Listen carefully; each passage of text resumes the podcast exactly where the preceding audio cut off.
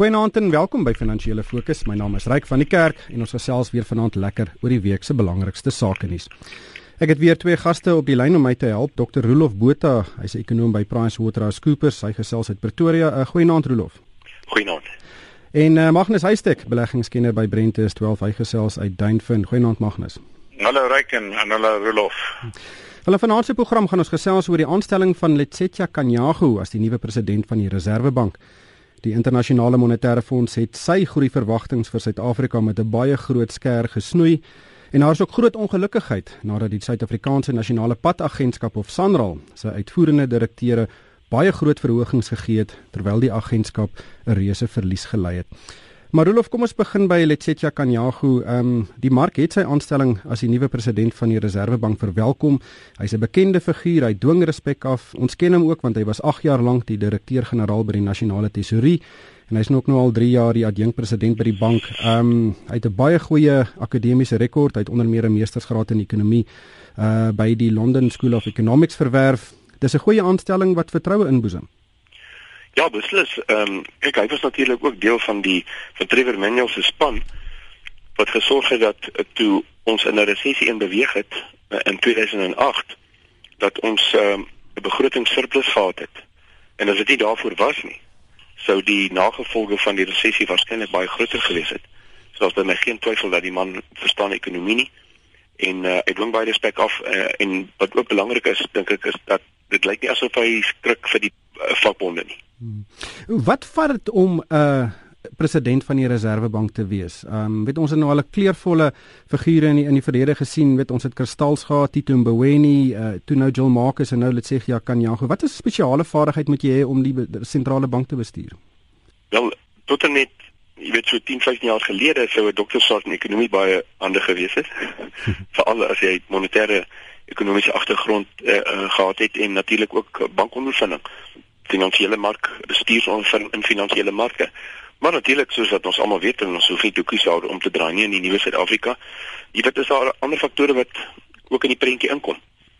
So ek ben tegnies gesproke in in 'n ander land sou dit dalk 'n vreemde aanstelling gewees het in die sin dat die man het duidelik uh sy ondervinding net duidelik meer aan die fiskale kant terwyl om monetêre beleid toe te pas is definitief uh, anders. Die teorie is as jy nou uh nagraad studeer uh, dan dan besef jy dat monetêre ekonomie is iets wat jy nie sommer sonder handskoene aanpak nie. Dit uh, dit kan redelik gekompliseerd raak. Maar uh, hy het homself bewys en natuurlik hy is al 'n paar jaar by die Reservebank. So hy het die ondervinding daar opgedoen. En uiteindelik het jy ook maar 'n span wat jou adviseer. Uh, so as jy die regte aanstellings maak, jy weet op die bestuursvlak binne in die bank, dan kan jy ehm uh, en jy het bestuurs- en leierskapsvermoë, dan is jy reg. Hmm. Magnus, ehm um... ja, as ek net kan byvoeg wat my ek dink is 'n goeie aanstelling en ek dink dit is goed dat dit vinnig gedoen was deur president Zuma. Net so bietjie kommerwekkend en miskien was hy verkeerd aangehaal in in in die media dat hy wil primêr fokus om die rand se waarde te beskerm en ek dink dit het uh dit het mense so bietjie laat uh met sinies dan na kyk want baie uh, reservebank gouverneurs in die verlede het dit probeer ten duurste uh Suid-Afrika se valuta reserves gebruik om die rand te beskerm. So dit is die enigste kommentaar wat ek uh, kan lewe in hierdie stadium. Ek wil net byvoeg dat hy word aangestel op 'n baie baie moeilike tyd tydperk ekonomies, nie net vir Suid-Afrika nie, maar vir die globale ekonomie met uh, die einde van kwantitatiewe verruiming in die FSA, stygende rentekoerse in die FSA. So hy sal baie baie vlugvoetig moet wees om om al daai balle in die lug te kan hanteer. Hmm. Hy het natuurlik Magnus al 'n lang pad gestap. Hy hy het hy, sy eerste werk was hy was 'n klerk by Eerste Nasionale Bank. Weet weet geweet op daai stadium dat hy op die einde die die baas gaan wees van die grootste bank in die land. Wel, uh, ek, uh, Maria Ramos se eerste werk was ook 'n klerk by die voormalige Barclays. So lyk my ons moet by FNB gaan begin werk. Hmm. Miskien kan ons ook iets iets iets doen met ons lewens. Hmm. Ja, dit is dit nee, hy's 'n knappe en hy's 'n hy's 'n deeglike ou, maar dis 'n moeilike taak wat hy tans het. Hmm.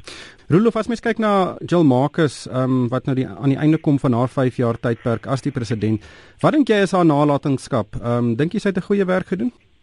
Uitstekend. Ehm um, ek is uh in die gelukkige posisie gewees om kollega van haar te, te gewees het by by Gibbs by die sakeskool uh, wat mos deel is van Tikkies en uh, sy is uitsonderlik knap en uh, ek dink die mense moet iets geheimsinnig sien in haar in haar bedanking nie want sy is uh, sover ek weet al 65 en op baie ouderdom dink ek wel mense rustiger begin vat en die werk by die Reservebank is nie enig rustig nie. En soos Magnus gesê het, ek stem saam met hom uh die nuwe president van die Reservebank se tydsberekening is nie die beste nie. Uh in die, in die ou dae was daar hierdie geloof dat die eerste ding waarna die president van die Reservebank kyk in die oggend is die goudprys. En soos ons weet die goudprys en selfs nou in onlangse tye die platinumpryse is nie waar ons dit wil wil hê nie. So daar daar is 'n bietjie probleme op die betalingsbalanskant want die produkprysiklus is lelik op die oomblik vir ons. Hmm. Kom ons kyk 'n bietjie na die internasionale monetêre fonds. Ehm um, die groep het hierdie week sy ekonomiese groei verwagtinge vir die hele wêreld aangekondig um, en hy het sy snoeiskerp behoorlik ingelê. Ehm um, Rolof as mens teruggaan in Oktober 2013, is Oktober verlede jaar hierdie hierdie IMF verwag dat Suid-Afrika se ekonomie vanjaar met 2,7% sal groei.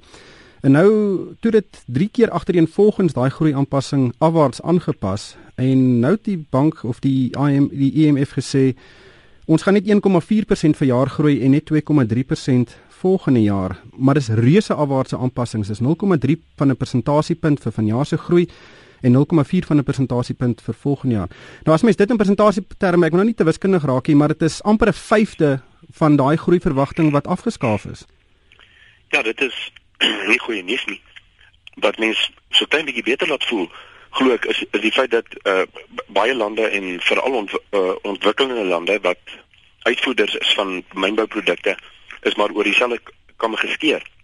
En die dalfase in die in die produkprys siklus het almal van ons baie hard geslaan. Wat die uh, eh, EMF nie geweet het 'n jaar gelede nie is dat uh, vol, volgens my in elk geval as mens kyk na sommige verslae is dat China besig is om of hy se eintlik reeds daar hy is op pad na strukturele laer groei. Die dae van 9, 10, 11% groei is verby vir altyd. China kan nou maar gelukkig wees met met 6-7% groei in die toekoms en dit het 'n uh, uh, dit het 'n uitwerking op die wêreldekonomie. Die feit dat Duitsland in die tweede kwartaal is dat sy ekonomie gekrimp het. Baie slegter nuus vir ons want dit is een van ons grootste gediversifiseerde handelsvennote. So alles wat kon verkeerd gaan het verkeerd gegaan, maar veral op die aanbodkant, want daar ek dink ja, as ekonomie in die wêreld wat soveel arbeidsprobleme soos ons het nie en sonder arbeid kan jy eintlik nie 'n ekonomie laat groei nie. En daar het ons 'n situasie waar vakbonde hopeloos te veel mag het en dan sit ons nog met die elektrisiteitskrisis. So werklik alles wat kon verkeerd gaan het verkeerd gegaan en as ons teen 1.4% van jaar kan groei, weet jy, mag ons saam stem nie dan sleg eintlik al dankbaar wees. Hmm. So mense het kan byvoeg, dit was nie baie goeie week ekonomies vir Suid-Afrika nie. Soos Rudolf sê, die groeikoers se daling is dramaties en dan die ekonomiese vryheid verslag wat aandui dat in terme van ekonomiese vryheid as 'n land is ons besig om baie skerp terug te sak. Ons is nou nommer 93 uit uit 142 lande waar 5 jaar gelede ons hier by die 50s was en dan dan sien jy land soos Mauritius wat 5 jaar gelede 115 was en nou 5de in die wêreld is. So ander lande kry dit reg om hulle ekonomie te bevry, minder regulasie. En, en ons gaan die verkeerde rigting so as jy daai drie faktore saamgooi, naamlik 'n dalende groeikoers, China se se se se dalende groeikoers en die die massiewe regulasies in Suid-Afrika voorspel dit nie baie goed vir die land en dit wil net lyk of president Zuma te besig is met ander dinge om aandag te gee aan wat tans hier in die gang is. Rudolf, as mens nou weet Suid-Afrika het probleme, ons almal besef dit, maar as mens nou weet in 'n vliegtuig klim, jy vlieg nou 30000 voet bo die aarde en jy kyk af, is Suid-Afrika se probleme soveel anders as wat ons in ander wêrelddele sien? Van die probleme uh, soos ek aangedui het, is maar dieselfde want uh, daar daar is uh, omtrent 140 lande sover ek weet wat een of ander vorm van mynbouproduk uitvoer en nie een van hulle is gelukkig met die huidige pryse nie wat soos ek verduidelik het, jy weet Japan se groei is onder 1%. China het 'n strukturele daling ervaar en Europa se groei skaars. Amerika groei teen so net oor die 2%. So wêreldgroei is maar 'n bietjie papperig. Jy het natuurlik lande soos Vietnam en Suid-Korea en hier en daar 'n paar van die skerp lande in Suidoos-Asië wat teen hoër groeikoerse groei, maar wêreld die wêreldekonomie sukkel nog 'n bietjie om gewoon te raak aan China se strukturele daling en natuurlik dan jy ook die hier en daar nog 'n nagevolg van die uh resessie van 2008-2009 wat mense uitgedagte uit uh moet verloor nie. Wat in ons gunstel is dat ons het ten spyte van ongelukkigheid en ontevredenheid oor dienslewering en en die uh, klas van dinge wat mense maar in die koerant van lees elke dag, het ons 'n groot mate van politieke stabiliteit in Suid-Afrika. As mens kyk na hoeveel lande in die wêreld daar is, dosyne van hulle wat in burgeroorlog gewikkel is wat daar op op 'n daaglikse basis is daar tientalle, partykeer honderde mense wat sterf in in gevegte tussen die inwoners van die land. 'n Burgeroorlog is 'n verskriklike ding wat jou kan tref. Uh, as mens net dink aan aan wat in Sirië en Irak en in party van hierdie lande aangaan, in Suid-Afrika is dit gespaar. Ons het nou wel oor misdaadsyfering stem saam met Magtes, ons is totaal oorgereguleerd. Maar daar daar's baie dinge, daar's baie aspekte wat ook in ons gunst tel. Hmm.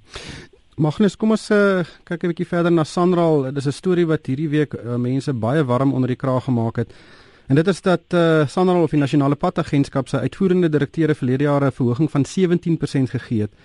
En dit is in 'n tydperk waar uh, dit nie baie goed gegaan het met Sanral nie. Hulle kon nie effekte uitreik nie weens onsekerheid en hulle het 'n groot verlies van amper 3 miljard rand gelei, grootliks vanweë die vertragings in die inwerkingstelling van die e-tolstelsel. En Nazir Ali, die uitvoerende hoof, het 'n 18% verhoging gekry en hy 3,6 miljoen rand in sy sak gesteek en die ander direkteure het verhogings van tussen 10 en 30% gekry. Nou ek weet, ehm um, weet Sandra is seker nou die die die plek waar baie mense wil gaan werk nie weens die kritiek wat dit uh, so ruimlik ontvang, maar dink jy hierdie salarisse is geregverdig? Jy weet ek ek is nou nie ek wil nou nie spesifiek kommentaar lewer oor wat hulle betaal moet word nie, maar uh, ek dink polities stuur dit 'n baie swak sein uit gegee die geweldige uh, publieke aversie uh, teenoor Sandra veral hier in in Gauteng. Jy weet die mense is gekant daarteen uh, bitter min mense het uh, skyfies en en weier om te betaal en om dan nog jy weet salarisse so skerp te verhoog redelik uh, stywe salarisse alreeds dis dis net polities uh, nie 'n goeie sein wat hulle uitstuur nie. Dis amper of hulle hulle nie steur aan enige kritiek van die publiek nie. Wel ek is seker, ehm um, let's sê Kanyago gaan hierna kyk. Dan Jill Mark dit baie hard gehamer daarop dat verhogings uh, inflasie verwant moet wees veral in die staatsdiens en Sanral is vir alle praktiese doeleinde deel van die staatsdiens. Uh, Rudolf, wat is jou siening? Ryk tydens onlangse bekendstelling van die jaarlikse uh, PwC uitvoerende bestuurs besoldiging, dis so 'n verslag wat hulle per jaar uitbring waar hulle kyk na die wat wat verdien die die top ouens en meisies natuurlik in die ekonomie was daar baie interessante aanmerking deur deur Lounsaap van uh, Adkop baie gesê dat 'n uh, mens moet dink aan jou uitvoerende bestuurshoofde van organisasies, maatskappye, plekke soos Sanral byvoorbeeld. Uh, in dieselfde lig as byvoorbeeld uh jou Rory McIlroy, jou Tiger Woods, jou uh, Lewis Hamilton's Victor Matfield, Fourie Prele, mense met daai tipe talente word op die oog af geweldige groot bedrag geld betaal maar daardie vaardighede, daardie bestuurs- en leierskapseienskappe is baie skaars. Jy weet mense vergeet die R21 was besig om letterlik uitmekaar uit te val.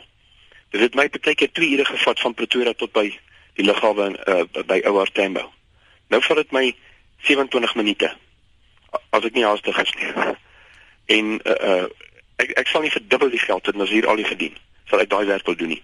Omdat die openbare mening hieroor is is beïnvloed deur in so 'n mate deur baie mense in die media dat dit lyk asof dit 'n ewel is. En dit is die as dit nie was vir hierdie finansieringsmeganisme nie sou die paai nooit gebou gewees het nie. Want daar's nou nasionaal tesorie het nie die geld gehad nie. So daar's baie onkunde oor die tegniese aspekte rondom hierdie hele situasie. En soos ons almal weet ek en wie, wie wil wie wil daardie werk doen? Ek wil dit nie doen nie. Magnus dis 'n interessante siening stem jy saam Ja, gedeeltelik stem ek saam met Rolof. Ek meen uh die paai moes gebou geword het. Ek dink net uh, Sanral het het het uh die die heeltemal verkeerd benader en en die die die publieke mening en sentiment verkeerd gelees in terme van die geheimsinnigheid en dis meer. Hulle baie moes baie meer oop kaarte gespeel het. In daai gevalle, jy weet, uh, daai paai moet gebou word. Hoe betaal jy dit? Ek is 'n voorstander dat jy wat dit gebruik betaal daarvoor. Uh want uh, dit is 'n gesonde beginsel nie net hierdie maar wêreldwyd ook. Magnus net laastens, uh, kom ons kyk na die na die beurs. Ons het uh, die afgelope paar weke 'n skerp terugsakking van die beurs gesien en ons beweeg nou baie naby aan 'n vlak waar dit 'n tegniese regstelling genoem kan word wat natuurlik 'n uh, 10% daling is in 'n kort tydperk. Uh, hoe lees jy die mark op die oomblik? Ja, heeltemal korrek, Ryk. Dit is nie onverwags nie. Ons praat al baie lank op RSC hieroor. Ons sê dat hierdie uh, voortdurende stygings in die mark kan nie voortgesit word nie. Die mark is op hoë vlakke. Dit is nou vir 5 jaar dat die mark eenvoudig jaar na jaar 15 tot 20% gee. Dis nie 'n normale ding nie. Ons kom aan die einde van 'n lang bullmark en beleggers moet maar weet die markte sal sy waarde vind en dit gaan gepaard met met skommelinge en en die belangrikste boodskap wat 'n mens probeer uitkry by beleggers is oor verwagtinge.